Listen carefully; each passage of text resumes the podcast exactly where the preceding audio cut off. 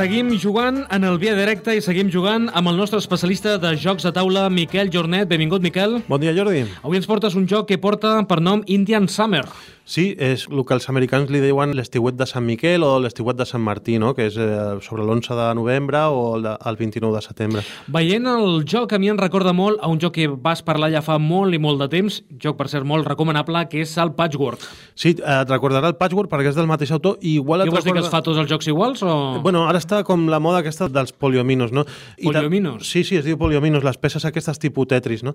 I et recordarà fins i tot més el Cottage Garden, que és el primer joc de la trilogia que està fent aquesta trilogia, aquest és el número 2, i encara l'any que ve sortirà un altre més, és la, la trilogia dels poliominos de, de l'Uwe Rosenberg. Ja hem dit el nom de, de l'autor, l'artista gràfic. Bueno, és un joc d'aquest 2017. Eh, L'artista gràfic és la- l'Andrea Bokov, que és també la mateixa del Cottage Garden. L'editor, SD Games, el número de jugadors. de 1 a 4 jugadors. Un jugador pot eh, jugar tranquil·lament. Sí, també ho treia el Cottage Garden, que aquests jocs es pot jugar també en solitari. I el tercer joc, que no sabem com per es tant, dirà... podem també. anar practicant, eh? Sí, sí. Edat recomanable. A partir de 10 anys, Temps de partida? uns 15 minuts per jugador. Per tant, si som dos, 30 minuts Correcte, de partida. sí, sí, sí. Mecàniques del joc. És un joc de col·locació de rajoles, de construcció de patrons i de recol·lectar cosetes, un set collection. Posició? Està en, a, en la Board Game Geek el número 2176 i dintre del seu rang, que és un joc familiar, el 581.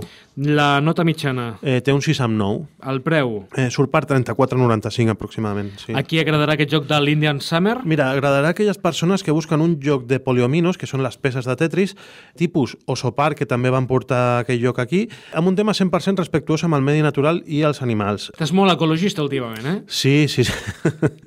a mi m'agraden aquests jocs, sí. Eh, la trilogia començada en Cottage Garden té aquest celler particular, jocs tranquils, harmònics i molt familiars. Tot i això, el joc és una cursa per completar abans el teu puzzle tot controlant que els altres no agafin molts tresors dels que amaga el bosc, perquè aquesta recolecció és important al final de la partida, ja veurem. Antes de que el invierno se manifieste en todo su esplendor, el cálido otoño inunda el bosque en un precioso brillo dorado. Durante el Indian Summer, Nueva Inglaterra florece una última vez.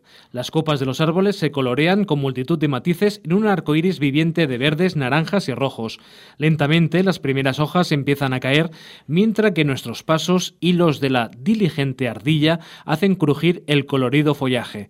En nuestros paseos a través de los árboles descubrimos toda clase de pequeños tesoros. Podemos encontrar bayas, nueces, setas y plumas.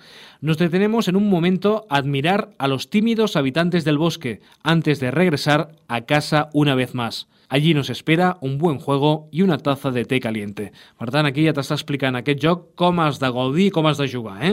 A casa i té calent.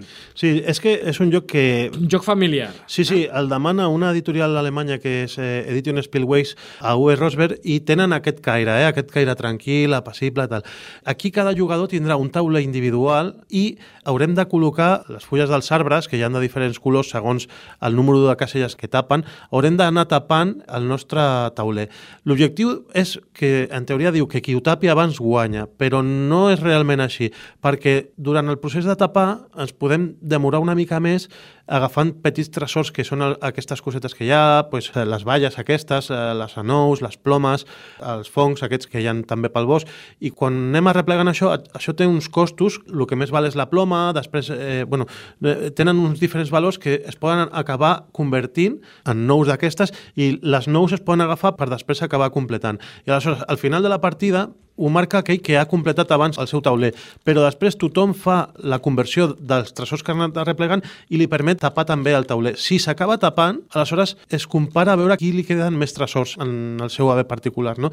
I aquí és on hi ha la gràcia, perquè tu pots anar molt ràpid i no parar-te a agafar tresors, i un altre pot anar més lent, però agafant tresors, i aleshores tu, que has anat ràpid, dispares al final de la partida, aleshores aquell fa tota la conversió, acaba tapant tota la resta de tauler, i si a ell li queden més tresors que tu, perquè no has agafat pràcticament ningú, ell guanya.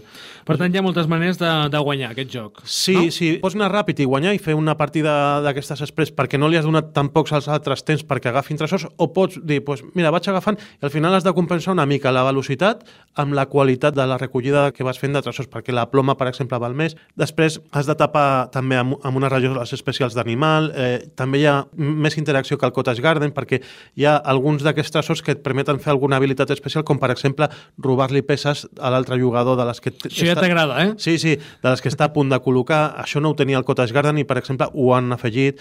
I aquí sí que tens sempre el teu tauler particular, que el Cottage Garden anaven variant de tauler, li anaven donant voltes i aquí tens sempre el teu. Per tant, abans que hem dit de que tots els jocs d'aquest autor són iguals, eh, sí, parteixen...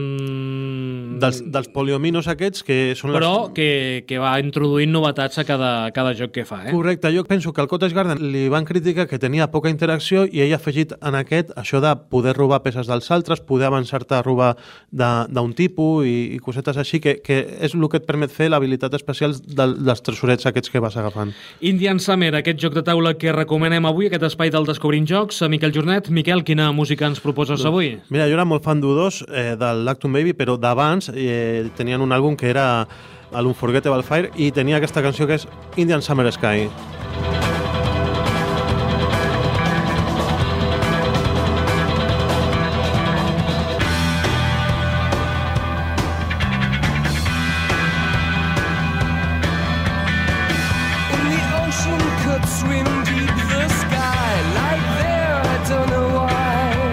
Doncs amb aquesta música del Sudós, el Indian Summer Sky, eh, ja que avui hem parlat del joc del Indian Summer, doncs eh, ja vull acompanyar aquesta música amb el joc de taula, eh? Les passejades- Avui ha estat una, diguéssim, una cançó que ens has portat eh, adient, eh? Sí, sí, són les Que passejades la- pel bosc. té la relació, eh? Sí, sí, sí.